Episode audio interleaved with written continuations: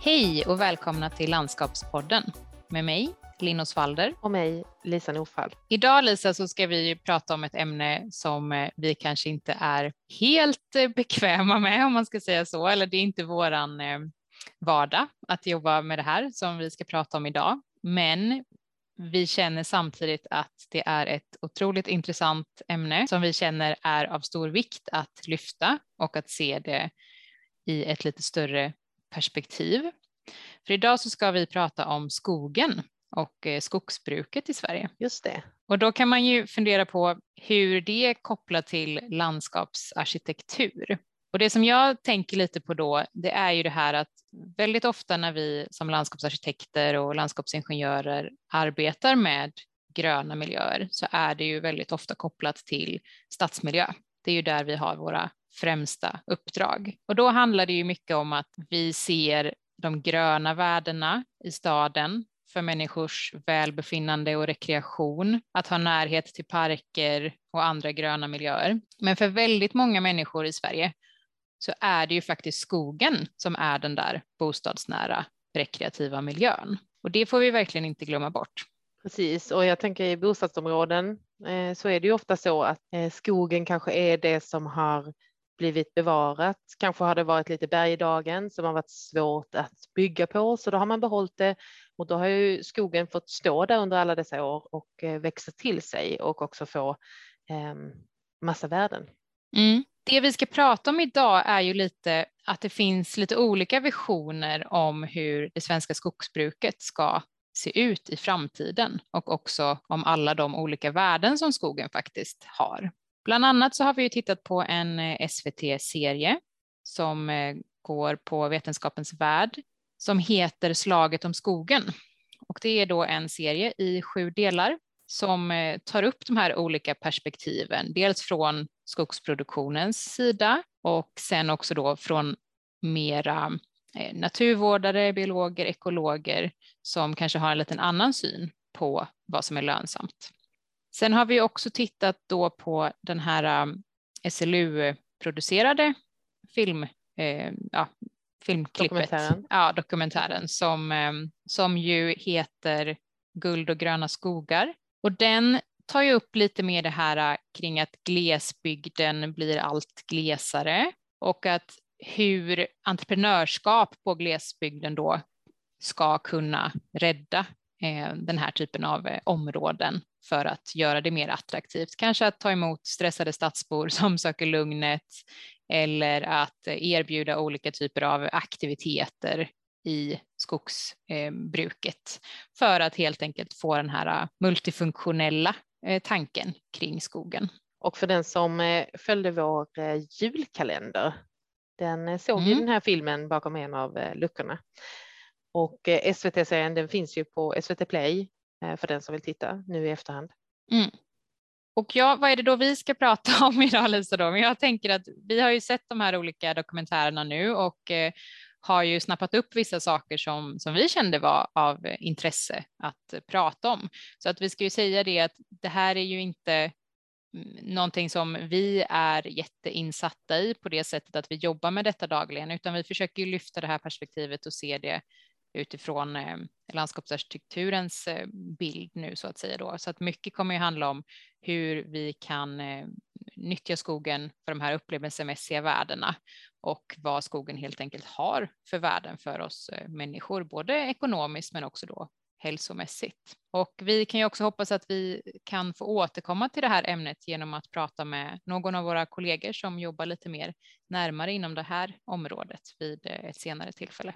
Så att eh, vi hoppas att med det här avsnittet kunna väcka lite intresse för skogen. Så om man ska sammanfatta den här SVT-serien lite grann så är ju frågan egentligen då hur framtidens svenska skogar ska se ut. Och där finns ju lite olika visioner eh, utifrån vem man frågar. På ena sidan så har vi ju då virkesproduktionen och eh, skogsavverkningen, alltså skogsindustrin. Skogsindustrin då anser ju att vi ska fortsätta med den typen av kalhyggen som vi har idag eller så kallade trakthyggesbruk som det också kallas. Just för att det behövs för att vi ska kunna ja, få ut mer skogsråvara helt enkelt. Och det är mycket forskare som eh, jobbar på uppdrag för de här eh, skogsbolagen som också tycker att detta är vägen framåt. Och framför allt så är väl argumenten då att det är det mest effektiva och lönsamma sättet att tjäna på skogen. Och enligt den här serien så är det ju också så då att den svenska regeringen tycker att vi ska fortsätta avverka lika mycket som vi gör idag. Däremot så vill EU att man ska stoppa Sveriges kalhyggen då de hävdar att det förstör klimat och eh, utrotningshotade arter då i de här skogsområdena. Sen tyckte jag det var väldigt spännande och kändes väldigt eh, inspirerande att höra om en tredje modell som kommer från eh, Tyskland där man tänker att man ska ha ett fungerande skogsbruk utan att kunna få de här kalhyggena och att det samtidigt ska vara väldigt lönsamt både för klimatet och för den biologiska mångfalden men även också rent eh, ekonomiskt. Och detta kallar man då för Lübecksmodellen. Det låter ju väldigt intressant. Kan du inte berätta lite mer om den här Lübecksmodellen och hur den funkar? Mm, det, det, är ju då en modell som verkar ha utvecklats för ungefär 25 år sedan i Tyskland då, runt Lübeck, som fungerar än idag då som ett väldigt storskaligt experiment där konceptet är att målet med att inte påverka skogen i eh, dess utveckling egentligen särskilt mycket, utan att tanken är lite det här att skogen har alltid skött sig själv och det kan den fortsätta att göra. Deras motto är väl då att bruka naturen utan att den egentligen märker det. Rent konkret så är det då att det handlar om en mer selektiv avverkning av skog, alltså där träden har uppnått en viss diameter, där då trädet faktiskt är lönsamt att sälja till sågverk, eh, så, så avverkar man träden. Men att man behåller de yngre och mindre eh, individerna för att de ska kunna fortsätta att utvecklas och på så sätt också då binda koldioxid under tiden de får stå kvar. Så att i den här typen av skogsbruk så är ju kalhyggen då förbjudna och det är även förbjudet med monokulturer, att ha en typ av art som man odlar, utan här är istället då ett mer mångfald kring arter. Och det är också förbjudet med, med gödsling. Och det finns ju vissa då som säger att det här inte är lika lönsamt eh, och att det, det kanske liksom handlar mer om naturskydd. Men den här mannen som då har utvecklat den här eh, modellen, han heter Knut Sturm. Han eh, menar ju då att det är väldigt viktigt att poängtera att det här är inte ett naturskyddsprojekt, utan det är faktiskt ett skogsbrukskoncept som han menar är väldigt, väldigt lönsamt. För att det är just de här stora individerna, de här träden som har den här massiva diametern som är lönsamma att sälja. Så att enligt honom så är detta en väg framåt på väldigt många olika sätt här då.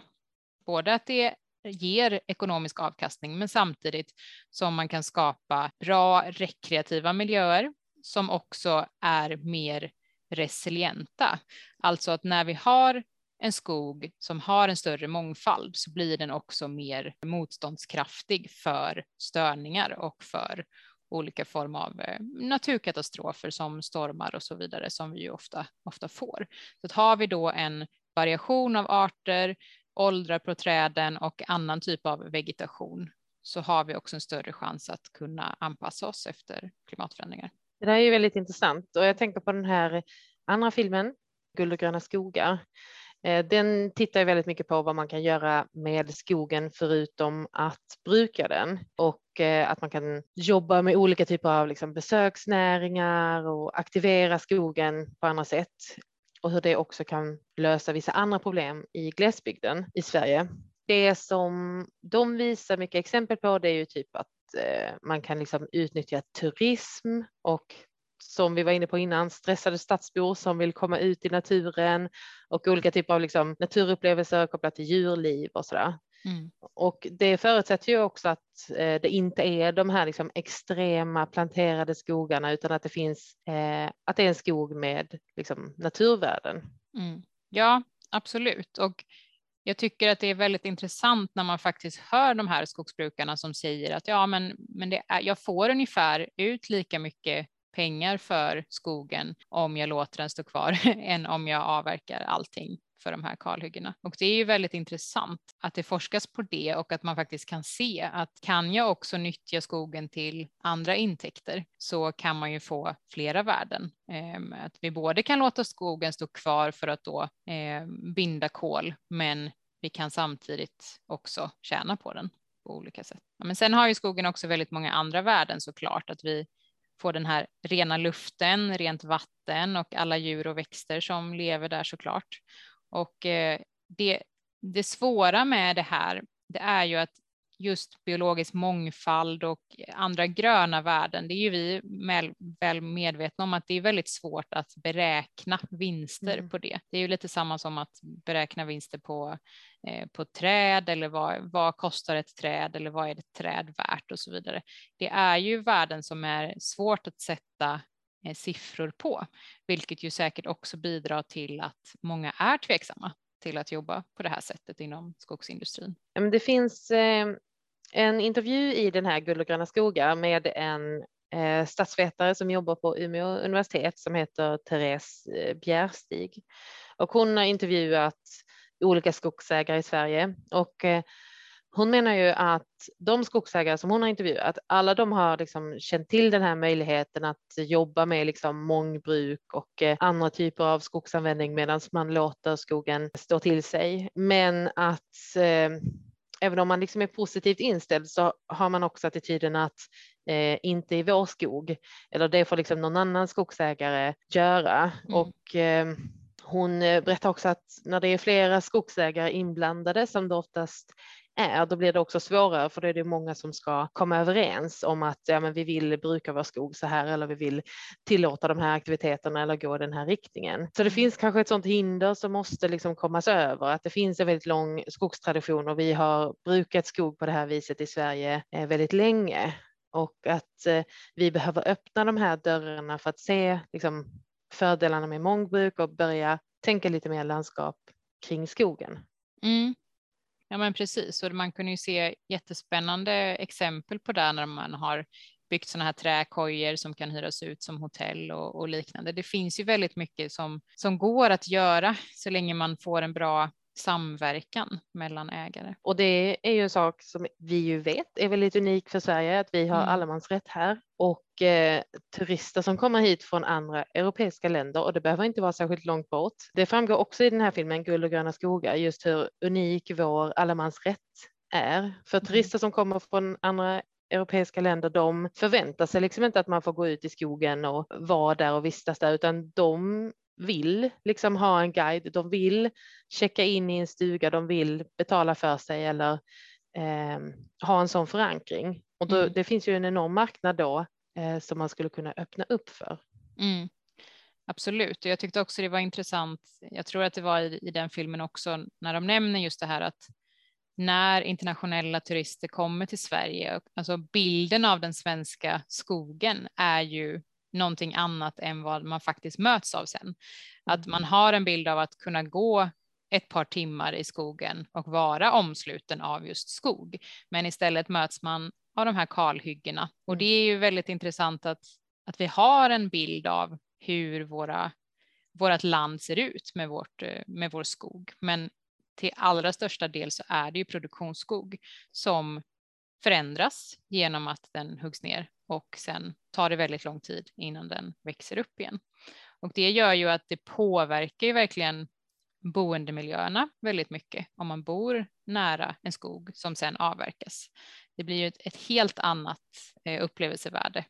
Jag tänker på det här begreppet eh, solastalgia eh, som ju handlar om att vara eller att ha hemlängtan fast man är hemma och det handlar om när eh, landskap i vår omedelbara liksom, livsmiljö förändras väldigt drastiskt. Bland annat så eh, använder man det begreppet och tittade på eh, konsekvenserna kring eh, den stora branden i Västmanland eh, mm. där folks liksom, uppväxtmiljöer och de miljöerna man är vana vid väldigt snabbt förändrades.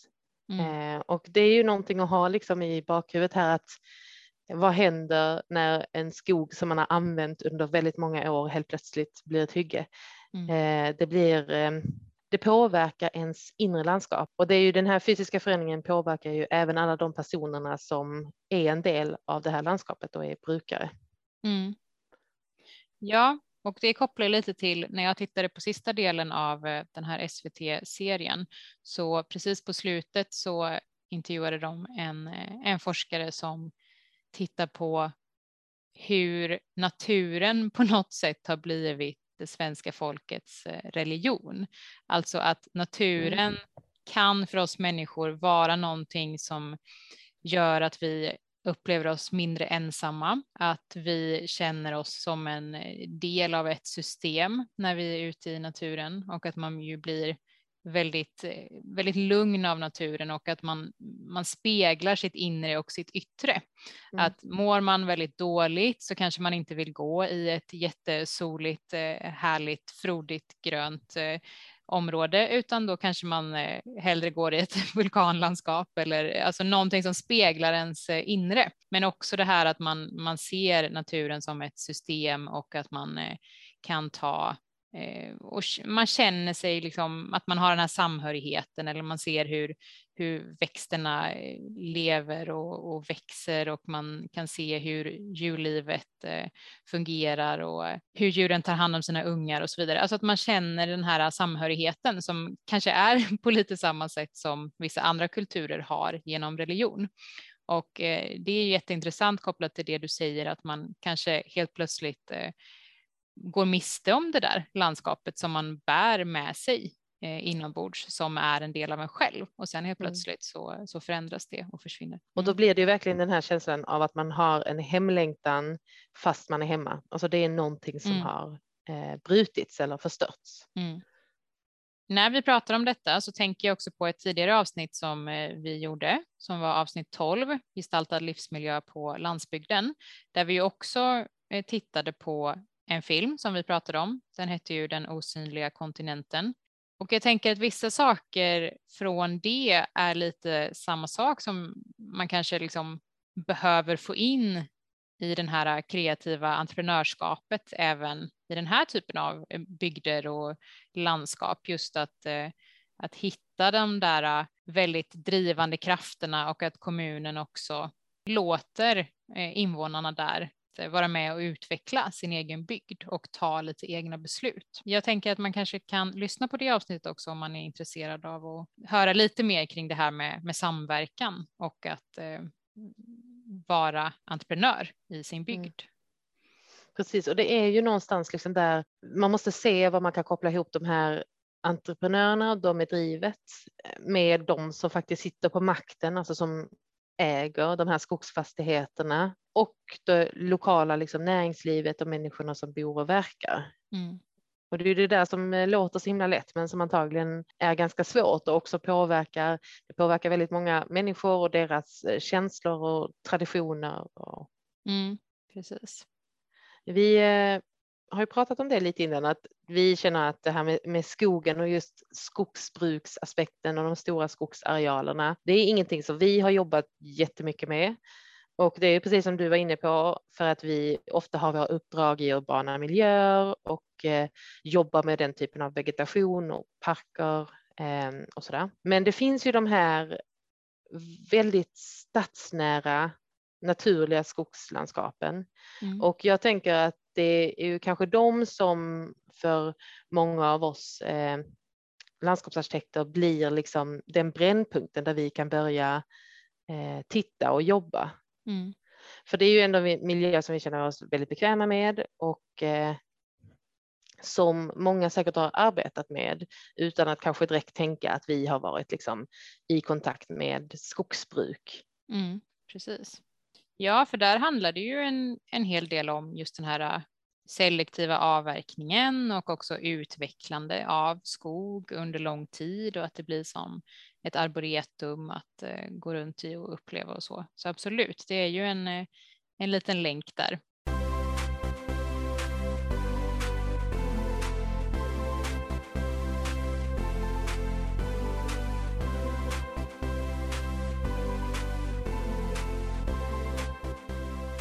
Jag tycker att en viktig kontenta av i alla fall den här SVT-serien, Slaget om skogen, det var ju att vi har en hög efterfrågan på virke, men vi kan inte avverka skogen i den takten som vi gör nu. Och då behöver vi ju se till liksom skogens andra värden och hur det ska liksom bringa eh, ekonomiska värden som mm. ersätter den av den avstannade produktionen. Mm. Där tycker jag ju att det, det, är så, så väldigt viktigt att uppmärksamma alla de här äh, andra värdena som skogen ju har, som vi kanske tar för givet ibland. Men det är ju alla barn som får ut i skogen och uppleva och använda sin fantasi för att bygga kojer och olika lekmiljöer, att lära sig saker om naturen, plocka bär, plocka svamp. Alltså det är så mycket som vi människor gör i skogen som vi tar ganska mycket för givet. Det är jakt och det är att åka mountainbike och det är att ut och löpträna, orientera. Alltså det finns så mycket som vi gör av rekreativa eh, aspekter i skogsmiljö. Och som vi har varit inne på i tidigare avsnitt också, i avsnitt 19 där vi pratar om eh, hälsofrämjande gröna miljöer. Alltså där fokuserar vi ju mycket på hur eh, vi i våra stadsmiljöer och eh, på arbetsplatser och så behöver grönska runt omkring oss. Men det är också det här kring rehabträdgårdar för att ehm, ja, avlasta sjukvård och ha gröna typer av vård för att eh, bota människor mot till exempel utmattningssyndrom. Och det har ju gjorts mycket forskning på också att använda skogen för det och att det ju är tydliga resultat på att blodtryck och puls, det sänks när vi kommer ut i skogsmiljö och vistas där en längre tid. Det gör det inte när vi är i stadsmiljö till exempel. Så att det finns ju så otroligt många viktiga aspekter som i längden också påverkar att vi minskar trycket på, på sjukvård och eh, mindre sjukskrivningar och allting som ju också har med ekonomi att göra. Så det är ju väldigt viktigt att uppmärksamma alla de här eh, gröna viktiga värdena som ofta kommer lite i skymundan. Så att, att använda skogen för återhämtning och att bara vara helt enkelt är ju så väldigt, väldigt viktigt. Och rent evolutionärt så mår vi ju bra av den här mångfalden som finns i skogen och att vi kan se olika arter, vi kan se ett djurliv, vi kan mm, gå runt en sjö eller vad det nu kan vara. Det är ju en sån typ av miljö som vi mår bra av snarare än den här äh, väldigt äh, snabbväxande produktionsskogen. Mm. Och en annan äh, aha-upplevelse som jag fick av den här SVT-serien, det var just det här hur liten del av den svenska skogen som faktiskt har ett skydd. För det finns mm. ju olika typer av naturskydd och biotopskydd och naturreservat och så. Mm. Men det är ju en väldigt, väldigt liten del av skogen som har den här typen av skydd. Mm. Just nu precis så har jag ju haft en eh, planerings och GIS-kurs här på landskapsarkitektprogrammet och då var det faktiskt en student som tittade lite på skogen och eh, avverkningstakten och eh, just de naturskyddade områdena. Hon, jag tror att det var i Jämtlands län hon tittade och hon tog ut liksom jättemycket GIS-data på det där och det blev väldigt tydligt hur mycket skog det finns och hur mycket som avverkas och hur lite som faktiskt var skyddat. Mm. Och oftast var det ju bara liksom ett jättelitet område i en skog som hade fått själva det officiella skyddet och sen var man och avverkade ända in på liksom reservatsgränsen. Mm. Och då kan man tänka sig att de arterna som lever i det där biotopskyddet, eh, det är ju inte så att de liksom slutar precis där gränsdragningen för skyddet är gjord. Nej. Och där tror jag att eh, man behöver liksom ta ett helhetsgrepp på de här miljöerna. Mm. Ja, precis. Där blir ju då verkligen de här öarna av skyddade mm. naturområden och man mister lite den här äh, vikten av ett system där också djur och växter kan röra sig. Det som jag också tycker var viktigt att äh, få med sig från de här äh, dokumentärerna var ju också, alltså, ja, skogen är en väldigt stor och viktig ekonomisk del av den svenska ekonomin.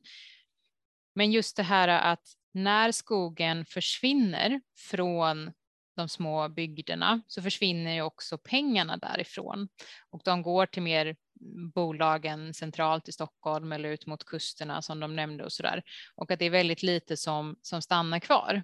i Mm. bygderna.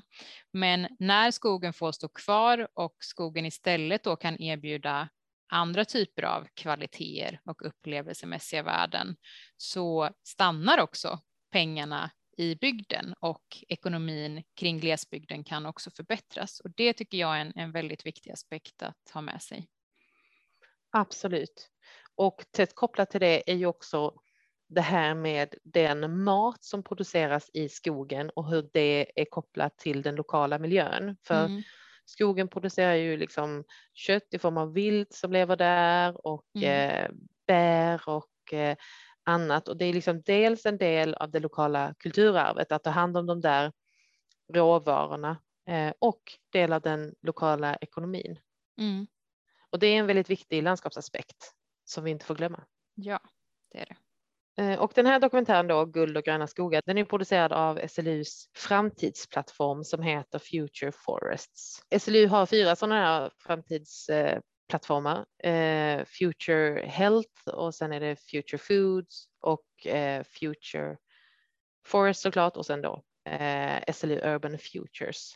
Mm, Och eh, de här framtidsplattformarna, eh, deras verksamhet är liksom att vara tvär och mångvetenskapligt och eh, jobba för sådana arbetssätt med ett tydligt då, framtidsperspektiv. Och tanken är att de ska befinna sig precis i skärningspunkten mellan akademi och samhälle. Och den här plattformen då, Future Forests, den har en hemsida som man kan gå in och titta på och där finns eh, länkar till massa intressanta eh, föreläsningar och filmer på just ämnet eh, skog. Mm.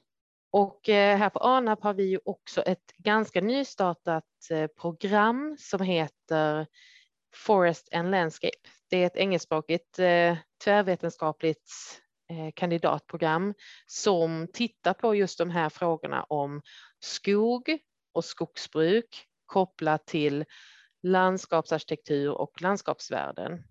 Och tanken är att eh, de som läser det här programmet kan ha antingen liksom en landskapsinriktning och läsa vidare inom de ämnena eller en mer skogsvetar och eh, skogsbruksinriktning. Men att båda inriktningarna ska få med sig då just den här multifunktionella och tvärvetenskapliga och holistiska eh, landskapssynen på just skogsbruk. Mm. Men förhoppningen är ju att eh, sådana här utbildningar som det här programmet som jag nämnde och eh, att det finns liksom de här informationsplattformarna, att det ska liksom öppna upp för Mm. nya perspektiv, för nya sätt att liksom se på och kanske långsamt förändra hur vi brukar skogen i Sverige. Mm.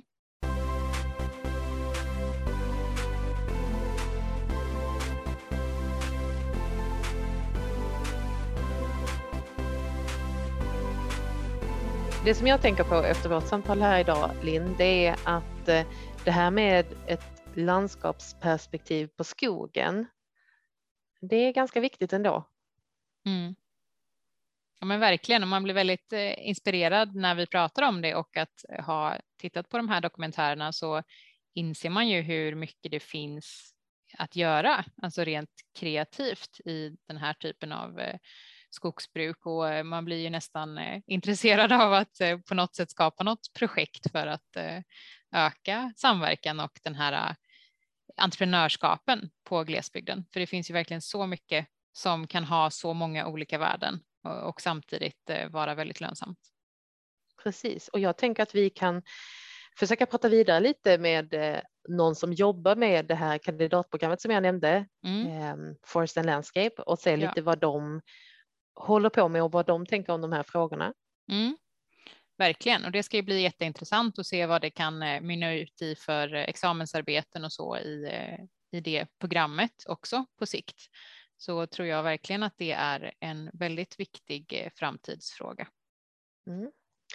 Och tills dess så tipsar vi ju alla att titta på dels den här serien, Slaget om skogen, som finns på SVT, och dokumentären Guld och gröna skogar som man hittar på SLU Future Forests. Ja, men med det sagt så eh, avrundar vi eh, veckans avsnitt och har ni några kommentarer eller tankar kring det här avsnittet så får ni ju jättegärna som vanligt mejla oss på landskapspodden slu.se eller skriva någonting till oss på Instagram där vi heter Landskapspodden. Tack för att ni har lyssnat. Ha det så bra. Hej då! Hej då!